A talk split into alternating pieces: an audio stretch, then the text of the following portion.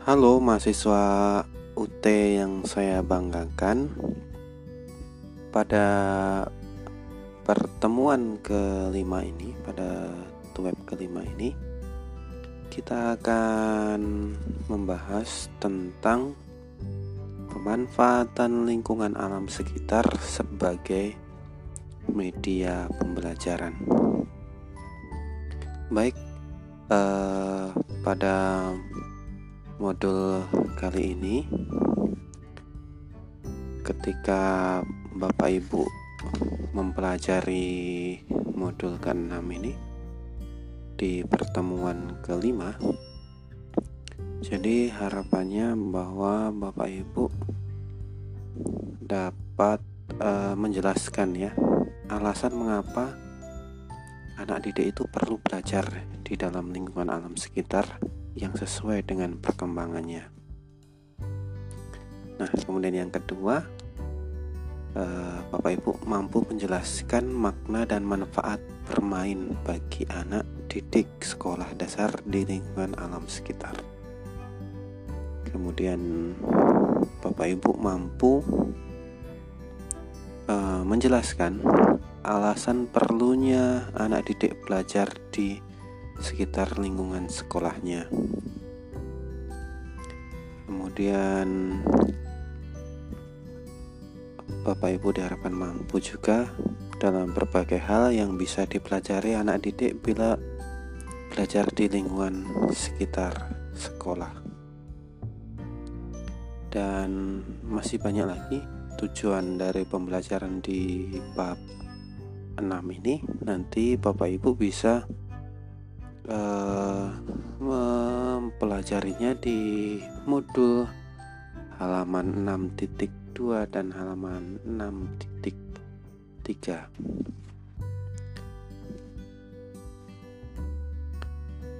kita masuk pada uh, kegiatan belajar yang pertama yaitu peranan alam lingkungan sekitar sekolah sebagai sumber belajar anak didik. Ya, pada hakikatnya kita kalau kita melihat ya anak belajar itu pasti sambil bermain. Jadi di dunia anak itu pada hakikatnya belajar sambil bermain. Ya. Oleh karena itu memang pembelajaran pada anak didik di jenjang sekolah dasar itu masih perlu adanya unsur bermain, walaupun bobotnya tidak sebesar pendidikan bagi anak usia dini. Aktivitas bermain yang memberikan kesempatan pada anak didik itu tujuannya adalah untuk berinteraksi dengan teman dan lingkungannya. Ini merupakan yang harus diutamakan ya. Uh, Sky itu sebuah uh, seorang ahli pendidikan anak berpendapat bahwa bahan pengalaman interaksi sosial itu merupakan hal yang penting bagi perkembangan proses berpikir anak didik. Jadi aktivitas mental yang tinggi pada anak dapat terbentuk melalui interaksi dengan orang lain. Jadi seperti itu. Ada ahli lain juga berpendapat si uh, Greenberg itu melukiskan bahwa pembelajaran dapat efektif jika anak dapat belajar melalui bekerja, bermain, dan hidup bersama dengan lingkungannya. Nah, interaksi yang dibangun tersebut memang merupakan faktor yang mempengaruhi ya, mempengaruhi terciptanya tujuan pembelajaran yang akan dicapai. Begitu. Jadi hal ini memang yang yang disebabkan bahwa memang interaksi itu mencerminkan suatu hubungan ya. Suatu hubungan antara anak didik dengan uh, maksudnya anak didik yang akan memperoleh pengalaman yang bermakna itu ya. Jadi sehingga proses belajar itu berlangsung secara lancar. Seperti itu. Ya karena anak didik itu merupakan individu ya individu yang unik. Jadi setiap anak didik itu pasti berbeda-beda dan sangat variatif maka unsur variasi individu dan minat anak juga perlu Bapak Ibu perhatikan jadi ada berbagai teori yang memang e, menyatakan juga mendukung bahwa lingkungan anak didik itu sangat mempengaruhi pertumbuhan jasmani dan rohani secara sehat dan optimal. Jadi dari dari uh, teori behaviorisme ya. Di teori behaviorisme ini belajar itu merupakan perubahan perilaku. Jadi di sini ditekankan bahwa kalau teori behaviorisme itu sekali lagi saya tekankan bahwa belajar merupakan perubahan perilaku yang terjadi melalui proses stimulus dan respon yang bersifat mekanis. Nah, oleh karena itu memang lingkungan yang sistematis, teratur dan terencana itu dapat memberikan pengaruh ya, dapat memberikan pengaruh atau stimulus yang baik buat peserta anak didik kita untuk bereaksi terhadap stimulus tersebut dan memberikan respon yang sesuai. Di seperti itu. Selain teori behaviorisme tadi, ada tokoh pendidikan yang terkenal juga, itu namanya Pavlo ya. Si Pavlo ini juga mengemukakan uh, teorinya, ya, mengemukakan teorinya teori Pavlov ini disebut uh, classical conditioning. Artinya bahwa uh, hampir semua organisme perilakunya terjadi secara refleks dan dibatasi oleh rangsangan sederhana. Teori classical conditioning ini mempersyaratkan adanya dua stimulus yang berpasangan. Stimulus yang berpasangan itu yang dinamakan kondisi jadi stimulus yang dinamakan stimulus kondisi ya dan stimulus tidak terkondisi. Jadi hasilnya adalah dimulai dari respon yang tidak terkondisi untuk melanjutkan menjadi respon yang terkondisi. Ya, jadi dengan demikian yang menurut Pavlov ini disimpulkan bahwa Stimulus tidak bersyarat dapat menghasilkan respon atau tanggapan tidak bersyarat juga dan stimulus tambahan yaitu stimulus yang dikondisikan akan menghasilkan respon baru yaitu respon atau tanggapan terkondisi itu itu uh, menurut Pavlov ya ini terkenal juga di banyak uh, digunakan teori Pavlov ini selain teori behaviorisme. Selain teori uh, dari Pavlov ada behaviorisme tadi, ada juga teori belajar konstruktivisme.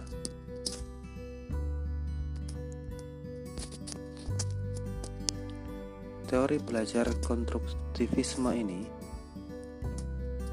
itu artinya bahwa ilmu pengetahuan dibangun dalam diri seorang individu itu melalui proses interaksi yang berkesinambungan. Ya. Teori yang uh, interaksi yang berkesinambungan dengan lingkungan. Jadi dalam prakteknya ini memang teori konstruktivisme ini antara lain terwujudnya dalam pendidikan lingkungan. Ini teori konstruktivisme ini memang John Piaget ya, John Piaget uh, sebagai penganut paham kognitivistik itu menyatakan bahwa proses belajar itu sebenarnya terjadi dari tiga tahapan. ya, tiga tahapan itu apa saja? Yang pertama itu asimilasi.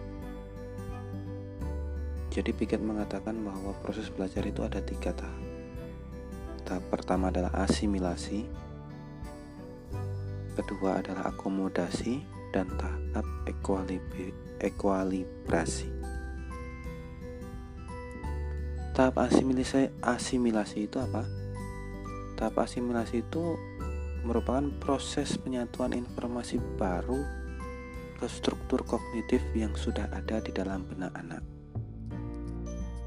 itu tahap asimilasi.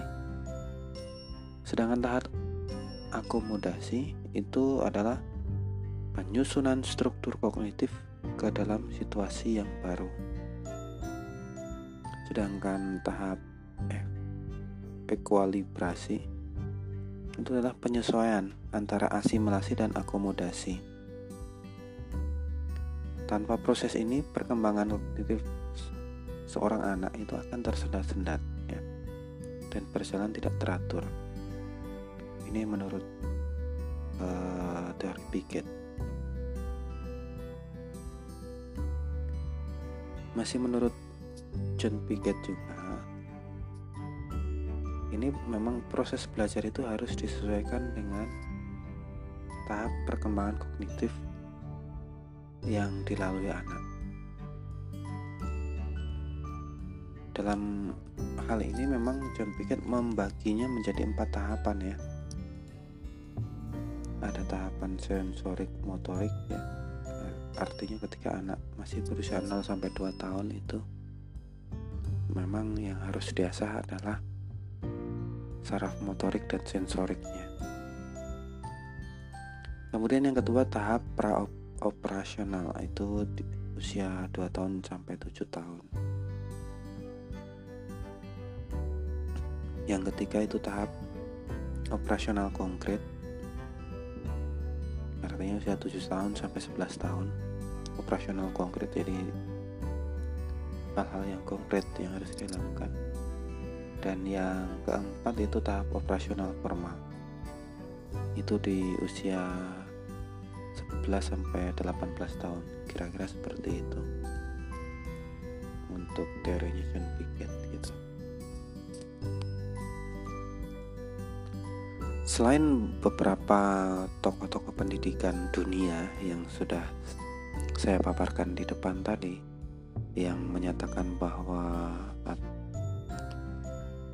pendidikan uh, berbasis lingkungan itu memang sangat diperlukan, masih banyak lagi beberapa pendapat uh, teori-teori atau pendapat-pendapat tentang pentingnya belajar di tengah lingkungan. Jadi belajar berbasis pendidikan lingkungan itu sangat penting. Itu Bapak Ibu bisa mempelajarinya di modul 6. Ya masih banyak ya teori itu dari halaman 6.4 sampai halaman 6.6. Jadi seperti itu bisa dipahami, dipelajari beberapa teori tokoh-tokoh pendidikan dunia.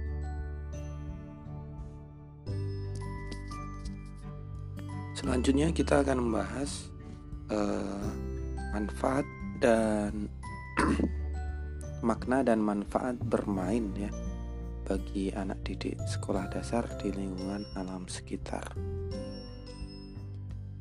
Ada seorang ahli perkembangan manusia ya itu seorang uh, uh, namanya Bapak Lia itu dalam bukunya yang berjudul Human Development itu mengatakan bahwa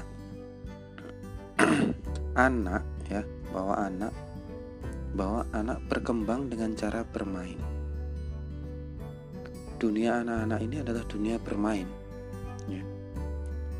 dengan bermain anak-anak menggunakan otot tubuhnya menstimulasi indera-indera tubuhnya mengeksplorasi dunia sekitarnya, menemukan seperti apa lingkungan yang ia tinggali, dan menemukan seperti apa diri mereka sendiri. Jadi, dengan bermain, anak-anak menemukan dan mempelajari hal-hal atau keahlian baru dan belajar kapan harus menggunakan keahlian tersebut serta memuaskan apa yang menjadi kebutuhannya. Jadi lewat bermain, fisik anak ini akan terlatih ya kemampuan kognitifnya dan kemampuan interaksi dengan orang lain juga akan berkembang.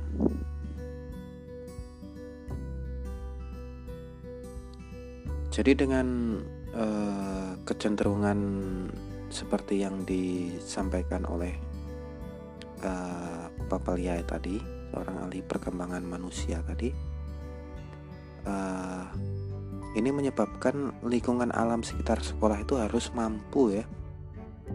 Lingkungan alam sekitar sekolah itu yang ada di sekolah Bapak Ibu itu memang harapannya harus mampu menyajikan dan memberikan waktu belajar sambil bermain.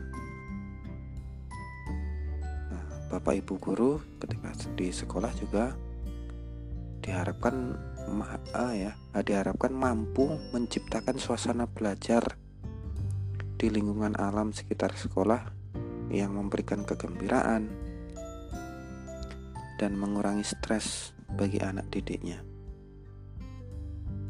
Jadi oleh karena itu Bapak Ibu guru memang harus mampu mem, e, memberikan pola bermain sambil belajar buat peserta didik kita ya untuk peserta didik di mana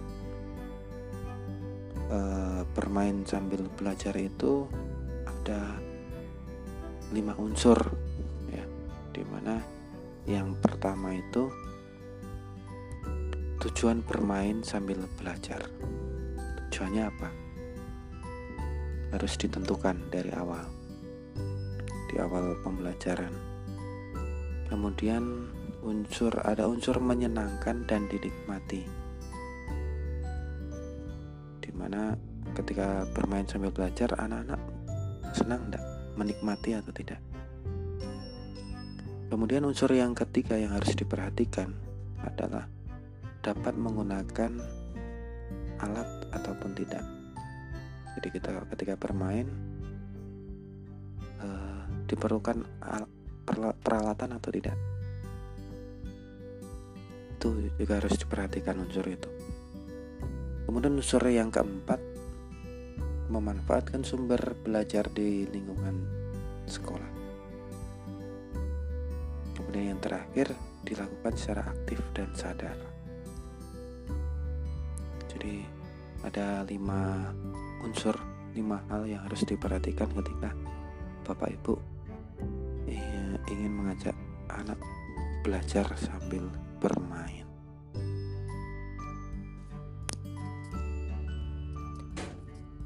Berikutnya uh, yang menjadi pertanyaan kita bersama uh, untuk apa sebenarnya ya? Untuk apa sebenarnya siswa kita itu belajar di lingkungan sekolah?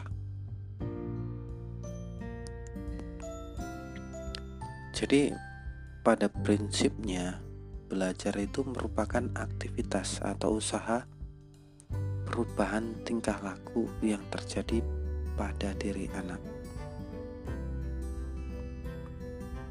Perubahan tingkah laku tersebut itu merupakan pengalaman-pengalaman baru. Artinya dengan belajar bahwa anak didik kita itu mendapatkan sejumlah pengalaman baru. Perubahan dalam kepribadian yang menyatakan sebagai pola baru dan pada reaksi yang berupa kecakapan, sikap, kebiasaan, kepandaian. Nah, belajar itu adalah suatu proses. Suatu proses lahir maupun batin pada diri individu untuk memperoleh pengalaman baru dengan jalan mengalami atau latihan.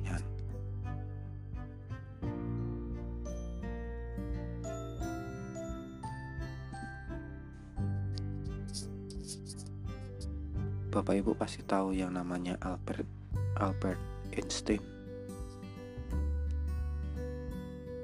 Ini sudah terkenal seorang ilmuwan besar ya Albert Einstein ini menyatakan bahwa sangat penting bagi anak didik itu mendapatkan pengertian dan merasakan tentang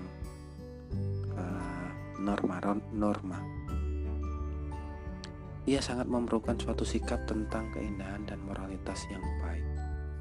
Jadi jika tidak, ia dengan pengetahuannya akan lebih seperti seekor anjing yang telah dilatih daripada seorang manusia dewasa.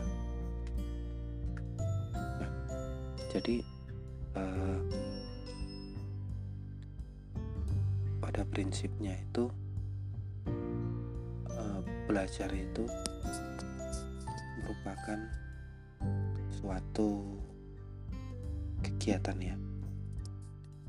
Belajar itu merupakan suatu kegiatan dengan tujuan perubahan tingkah laku yang terjadi pada diri anak. Perilaku baik berupa pola pikirnya berupa kecakapannya berupa sikap kebiasaan dan kepandaiannya jadi seperti itu agar belajar dapat diperoleh dengan hasil yang baik, maka anak didik kita harus mau belajar sebaik mungkin. Salah satu cara belajar yang efektif agar anak didik kita itu mampu belajar dengan baik ya dengan dengan cara memperkaya bahan pelajaran yang diterima di sekolah itu melalui bahan pelajaran yang bahan pelajaran yang dilengkapi dengan sumber belajar dari lingkungan alam sekitar sekolah. Dengan pengorganisasian dan pengelolaan yang baik sebagai sumber belajar eh, lingkungan sekolah itu, itu tersebut, maka diharapkan minat dan motivasi belajar anak didik itu tumbuh ya dalam suasana kelas dan di luar kelas itu menggairahkan memang di sini tugas guru adalah melakukan kerjasama. Tugas Bapak Ibu adalah melakukan kerjasama untuk mengorganisasi dan mematakan sumber, sumber belajar yang bisa dimanfaatkan dengan berbagai pihak di lingkungan sekitar lingkungan sekitar sekolah. berikutnya uh, tentang pemanfaatan lingkungan alam di sekitar sekolah dengan memanfaatkan lingkungan alam sekitar sekolah itu sebenarnya itu apa ya? Yang dapat dipelajari. Jadi pengembangan program pendidikan berbasis lingkungan sekitar sekolah itu memang diawali dengan mengidentifikasi pengetahuan dulu ya. Diidentifikasi dulu pengetahuan perilaku keterampilan apa saja yang harus atau yang hendak dipelajari oleh peserta didik. Jadi Bapak Ibu tugasnya adalah mengidentifikasi dulu pengetahuan tentang apa perilaku tentang apa keterampilan apa saja yang harus dipelajari oleh peserta didik.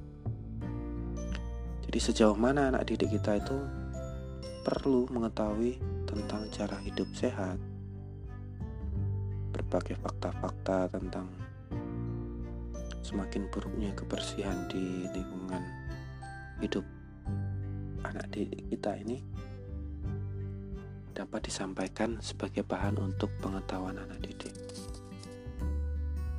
Namun pemaparan yang fakta-fakta ini hanya sebatas memberi kesadaran secara umum tentang bagaimana menjaga kebersihan lingkungan, baik lingkungan di sekitar kelas mereka maupun lingkungan sekitar sekolah. Disampaikan fakta-fakta tentang misalnya kerusakan alam yang terjadi di sekitar kita.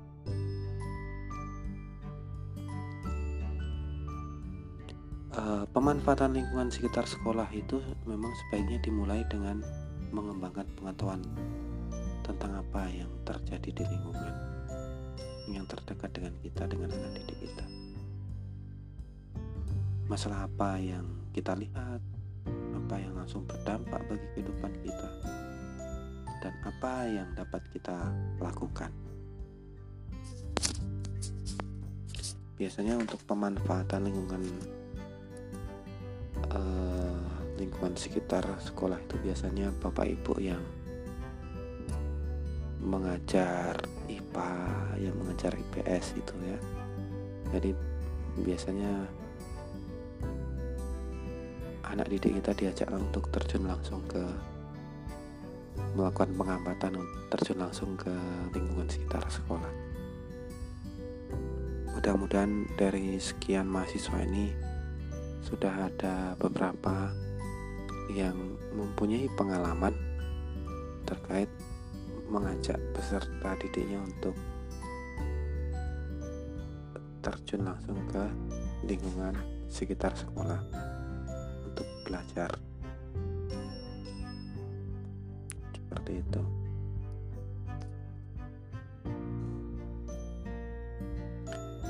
Dalam mengembangkan program pemanfaatan lingkungan alam sekitar sekolah bagi anak didik kita di sekolah dasar itu ada beberapa prinsip yang harus diperhatikan ya Bapak Ibu prinsip-prinsip yang harus diperhatikan dalam pembelajaran yaitu tentang pemanfaatan lingkungan alam sekitar sekolah.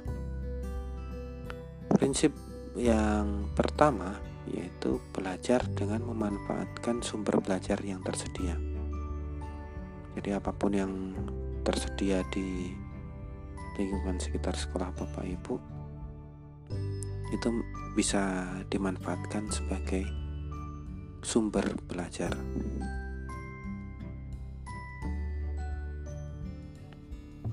Jadi kegiatan pembelajaran ini dapat dilakukan dengan memanfaatkan lingkungan alam sekitar sekolah yang ada, dan artinya yang alamiah. Seperti misalnya bangunan, halaman sekolah, ruang kelas, serta lingkungan di sekitar sekolah. Jadi prinsipnya seperti itu prinsip yang pertama. Prinsip yang kedua adalah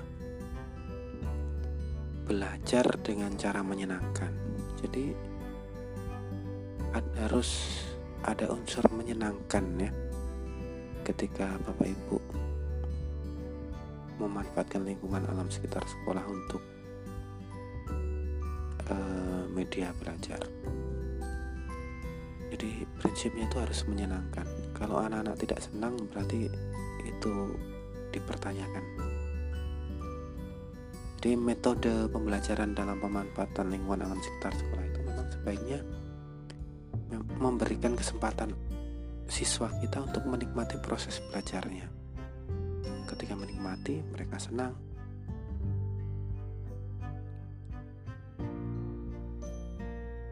Hal ini memang dicapai melalui proses belajar yang interaktif dan uh, bebas ya, proses belajarnya menyenangkan bebas ada interaktif bebas dalam artian memang bebas yang terkontrol yang terkondisikan. Seperti itu.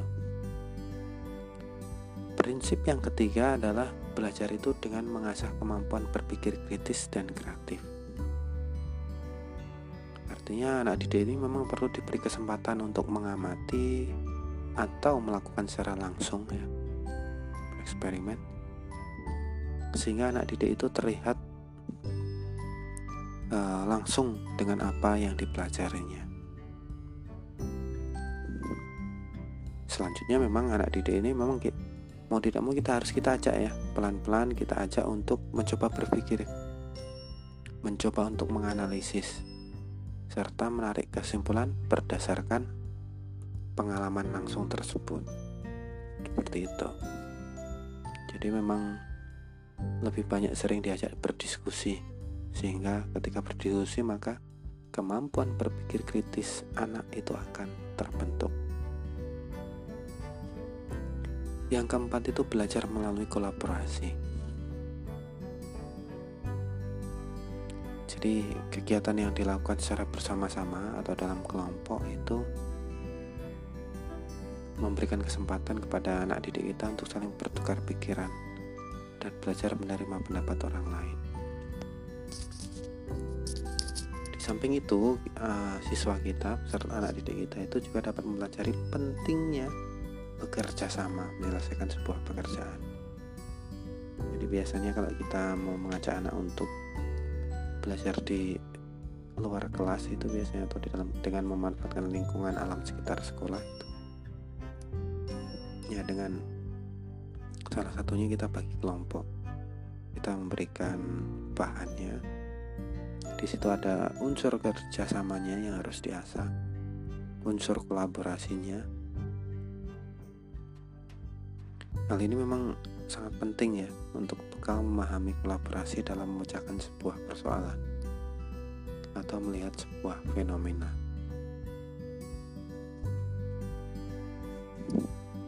Kemudian uh, yang berikutnya belajar itu suatu hal yang menyenangkan ya di lingkungan alam sekitar sekolah.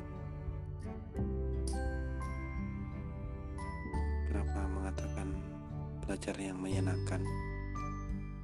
Karena memang uh, ada empat ranah. Ada empat domain yang disentuh berkenaan dengan belajar di lingkungan sekitar sekolah. Sehingga belajar di lingkungan alam sekitar sekolah itu bisa menyenangkan. Jadi ranah yang pertama itu citra diri dan perkembangan kepribadian yang kedua itu latihan keterampilan hidup ranah yang ketiga itu cara berpikir atau pola pikir. Dan yang keempat itu kompetensi atau kemampuan yang bersifat akademik fisik dan artistik. Jadi ada empat hal empat ranah itulah yang eh, membuat bahwa belajar di lingkungan sekitar sekolah itu menyenangkan. Kemudian yang menjadi pertanyaan kita bersama itu ketika kita ingin memanfaatkan lingkungan sekitar sekolah untuk uh, sumber belajar itu menjadi, menjadi pertanyaan adalah terus bagaimana anak didik kita bisa senang bila diajak belajar di alam lingkungan sekitar sekolah bagaimana caranya supaya anak itu bisa senang ya? Cara yang pertama itu adalah yang harus Bapak Ibu perhatikan adalah menciptakan lingkungan tanpa stres. Artinya relax ya? Ciptakan lingkungan yang relax santai santai bukan berarti santai sebebas-bebasnya tapi santai tapi tetap pada koridor yang serius gitu. Kemudian yang kedua supaya pelajaran itu menyenangkan Bapak Ibu harus memanfaatkan sarana bermain untuk belajar. Kenapa seperti itu? Ya? Karena bermain adalah metode belajar yang paling efektif untuk di dunia anak anak-anak didik kita ini belajar di uh, dari segala kegiatan yang mereka lakukan. Kuncinya adalah memang bagaimana mengubah kegiatan bermain itu menjadi pengalaman belajar. Jadi ketika anak ketika anak didik kita ini merasa senang, nyaman, maka ia mampu belajar dengan baik.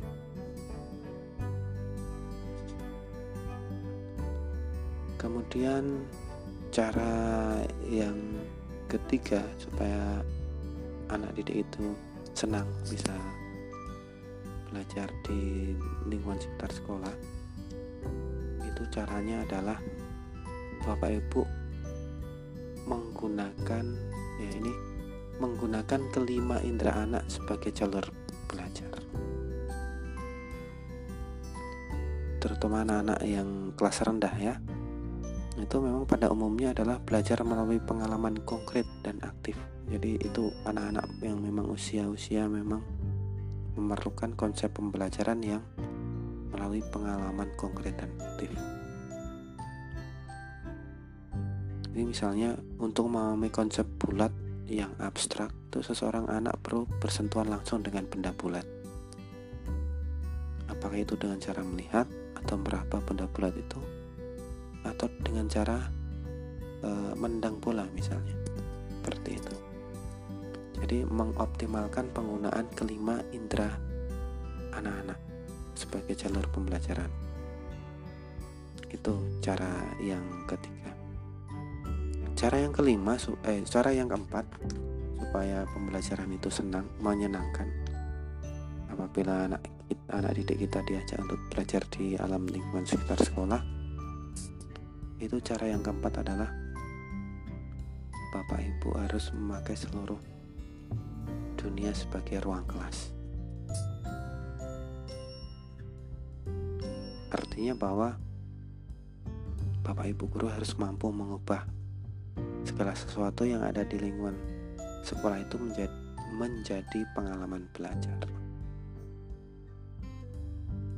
Jadi konsepnya adalah memang uh, paradigma atau paradigma paradigma kita harus mengubah konsepnya bahwa semua uh, yang di lingkungan sekitar sekolah itulah kelas untuk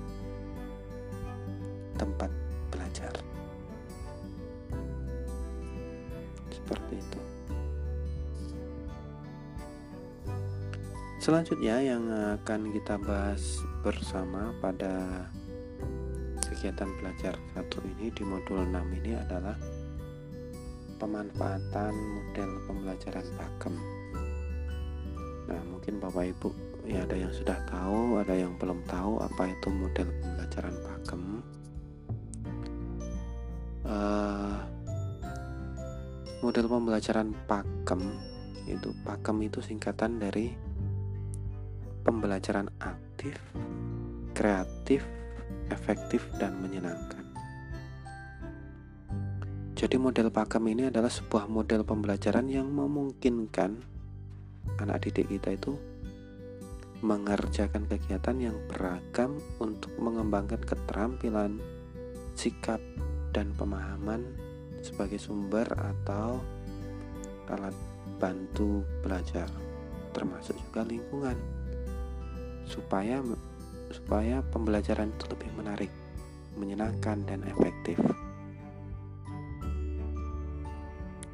Jadi meskipun yang diharapkan yang pertama adalah keaktifan dan kekreativitasan anak kita, namun sebenarnya Bapak Ibu guru juga dituntut untuk aktif dan kreatif juga di sini di model pembelajaran pakem ini.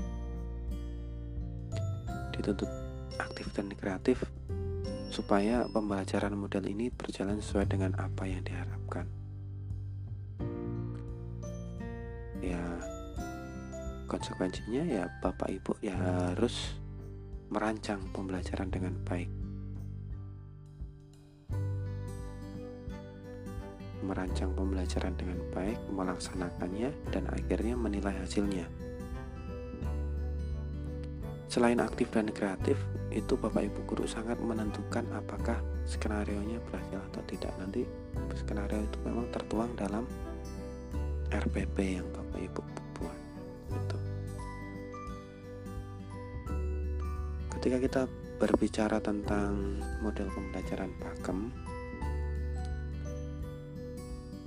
uh, ada manfaatnya, ada beberapa manfaat uh, model pembelajaran pakem ini.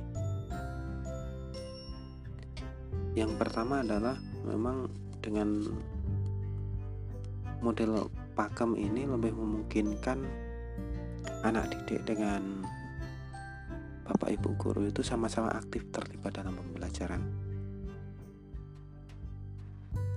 Jadi selama ini kalau kita mengenal pembelajaran model konvensional di mana uh, dinilai bahwa hanya guru yang aktif monologis sementara anak hanya sementara anak didik itu hanya pasif.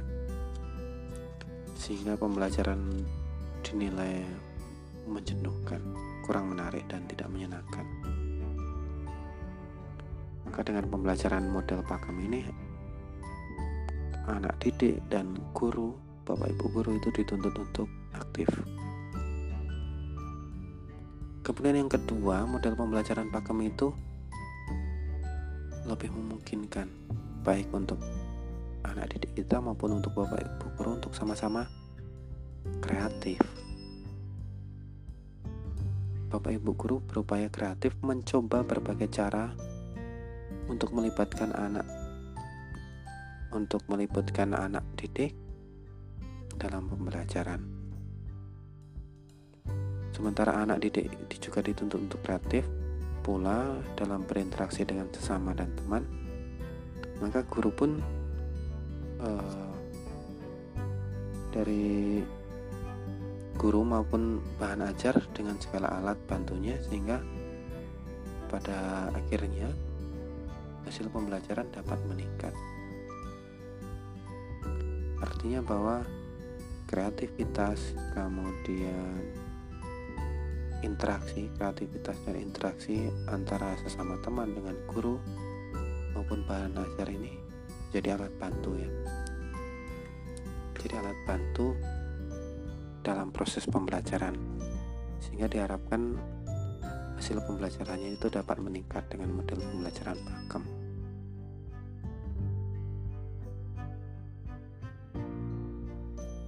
Selain itu, Bapak Ibu guru juga bisa melihat uh, mengidentifikasi ya mengidentifikasi karakteristik model pakem ini model pembelajaran pakem ini. Di mana pakem eh, yang pertama aktif ya pembelajaran aktif Aktif di sini artinya bahwa pembelajaran ini memungkinkan anak didik itu berinteraksi secara aktif dengan lingkungan. Memanipulasi objek-objek yang ada di dalamnya. Dalam hal ini memang guru terlibat aktif ya, baik dalam merancang, melaksanakan dan mengevaluasi proses pembelajaran. Yang kedua kreatif. Kreatif di sini yang dimaksud adalah Pembelajaran membangun kreativitas anak didik dalam berinteraksi dengan lingkungan. Bahan ajar dan juga sesama anak didik utamanya dalam menghadapi tantangan atau tugas-tugas yang harus diselesaikan dalam pembelajaran.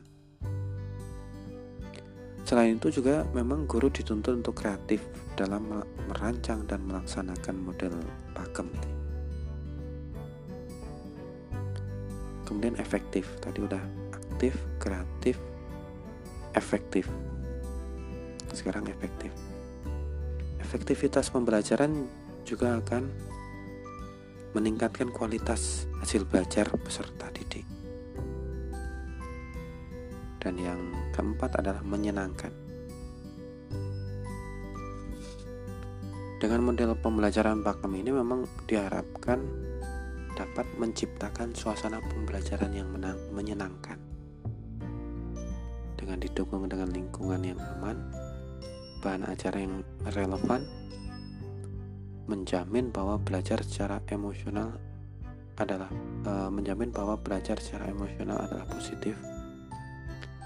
Yang pada umumnya hal ini terjadi ketika dilakukan secara bersama dengan orang lain dengan dorongan dan selingan humor misalnya serta istirahat ada jedanya secara teratur jadi ini ada harapannya memang menyenangkan ya menyenangkan. Maka disebut model pembelajaran pakem. Aktif kreatif efektif dan menyenangkan.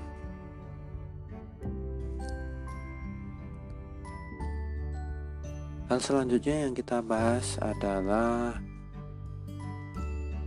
cara menginventarisasi berbagai sumber belajar di lingkungan alam sekitar sekolah.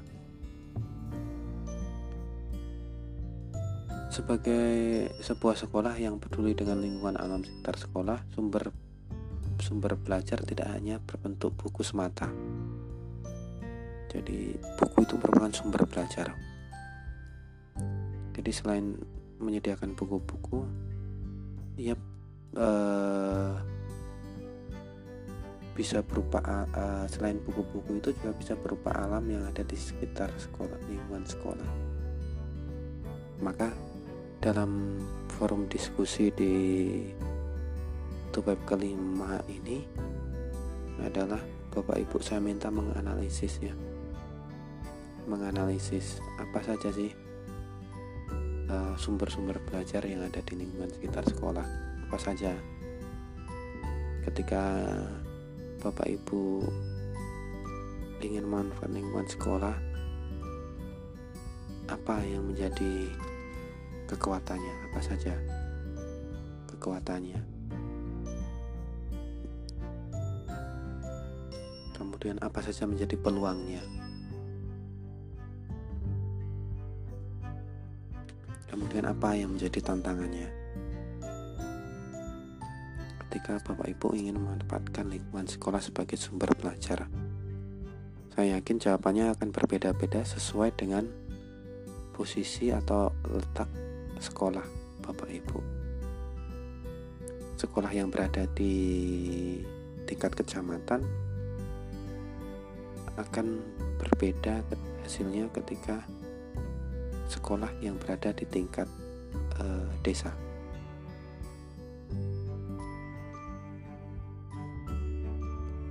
Ada beberapa tantangan dan peluang apabila yang dihadapi ya yang dihadapi Bapak Ibu ketika ingin mengembangkan program pemanfaatan lingkungan alam sekitar sekolah. Yang pertama adalah terbuka peluang untuk mengembangkan berbagai tema kegiatan pembelajaran dengan mempertimbangkan ruang lingkup mata pelajaran yang sangat luas. Yang berikutnya diperlukan kecermatan menentukan bagaimana sebuah pengetahuan itu dapat disampaikan untuk anak didik kita di tingkatan kelas yang berbeda. Di sini Bapak Ibu memerlukan kecermatan. Ya. Memang dituntut untuk cermat dalam menentukan sebuah pengetahuan.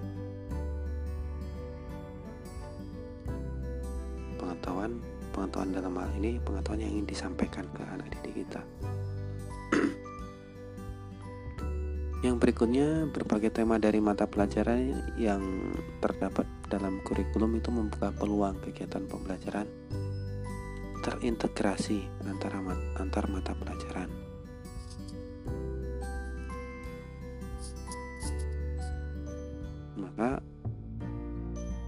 Kita sebagai guru itu memerlukan koordinasi dan alokasi waktu untuk kegiatan ini yang memang pada umumnya tidak cukup hanya dilakukan dalam uh, jam mata pelajaran tertentu. Jadi ketika kita memanfaatkan lingkungan sekitar sekolah itu sangat sekali terbuka peluang untuk uh, istilahnya berkolaborasi ya antar sesama guru sehingga beberapa tema itu dapat tersampaikan secara sekaligus ketika kita menggunakan alam sekitar lingkungan sekolah. Yang berikutnya untuk memahami mata pelajaran dengan baik yang dipelajari melalui alam lingkungan sekitar sekolah memang diperlukan kemampuan anak didik untuk melakukan analisis, sintesis, kebebasan berekspresi dan kemampuan refleksi. Jadi kita uh, dengan memanfaatkan memanfaatkan lingkungan sekitar sekolah yang memang uh, tantangan yang ke depan memang bagaimana melatih anak untuk bisa menganalisis, melakukan analisis dan sintesis tentang materi-materi yang Bapak Ibu sampaikan melalui pembelajaran di alam sekitar lingkungan sekolah.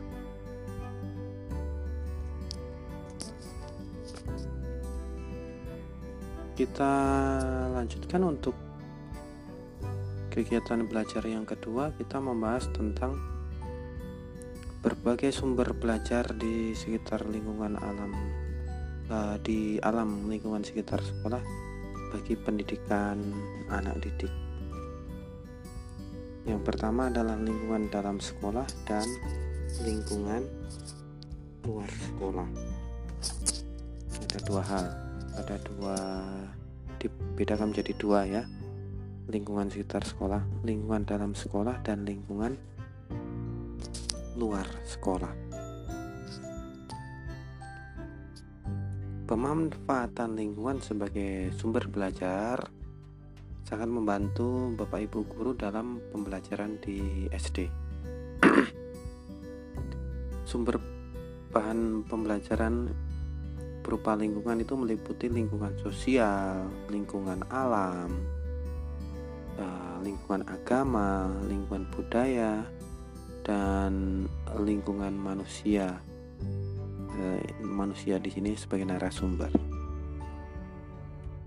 Tujuan pemanfaatan lingkungan sebagai sumber bahan belajar itu adalah untuk meningkatkan pemahaman siswa terhadap materi pembelajaran, sehingga eh, siswa itu dapat berpikir kritis ya. Harapannya dapat berpikir kritis, berpikir kritis, terampil memecahkan masalah sosial di lingkungannya, melatih kemandirian siswa melatih keberanian mengemukakan pendapat, serta dapat menambah wawasan siswa.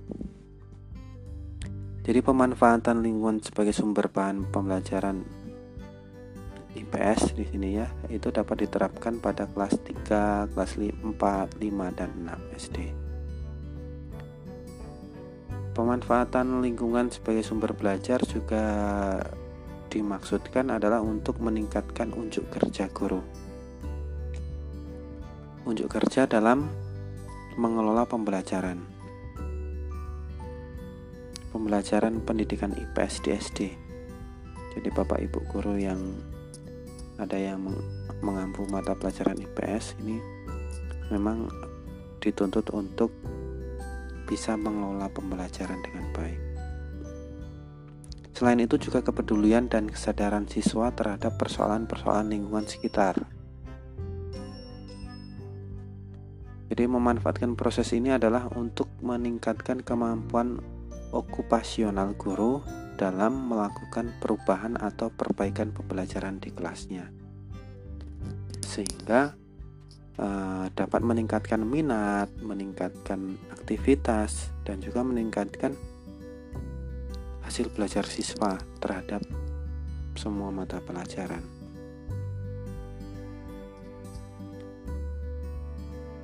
Sebagai suatu bentuk pendidikan dasar, maka uh, sekolah dasar itu sebagai uh, bertujuan untuk membangun minat belajar selalu tinggi motivasi belajarnya, meningkatkan dan menumbuhkan pengetahuan, kesadaran dan sikap sebagai warga negara penerus bangsa itu bertanggung jawab ya bertanggung jawab dan peduli terhadap proses kehidupan lingkungan kehidupannya jadi proses pembelajaran dengan pemanfaatan lingkungan sekitar sebagai sumber belajar ini akan berhasil jika dilakukan dengan kreatif dan berkesinambungan.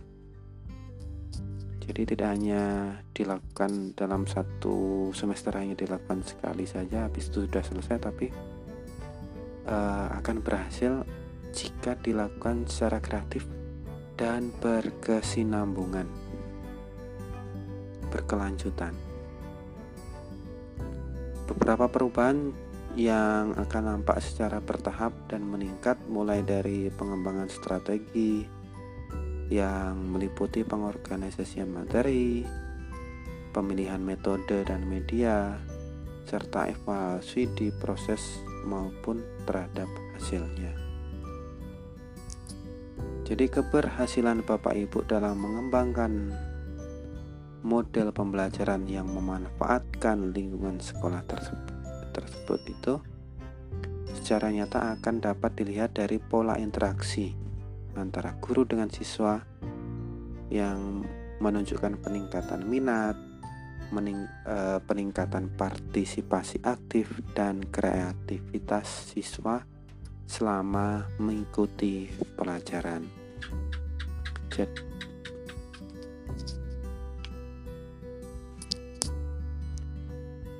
Jadi secara rinci Bapak Ibu di kegiatan belajar 2 ini dapat dilihat di halaman 6.24 eh, sampai halaman 6.73 karena waktunya sudah habis uh, kalau podcast itu tidak boleh melebihi dari 60 menit. Jadi kurang lebih itu ringkasannya untuk pembelajaran yang kedua silahkan dibaca dan dipahami untuk kegiatan yang kedua ini dan nanti kita lanjutkan pada sharing pengalaman uh, di web hari Sabtu jam 1 siang sampai jam 3 sore. Sekian terima kasih untuk perhatiannya. Salam sehat untuk kita semua.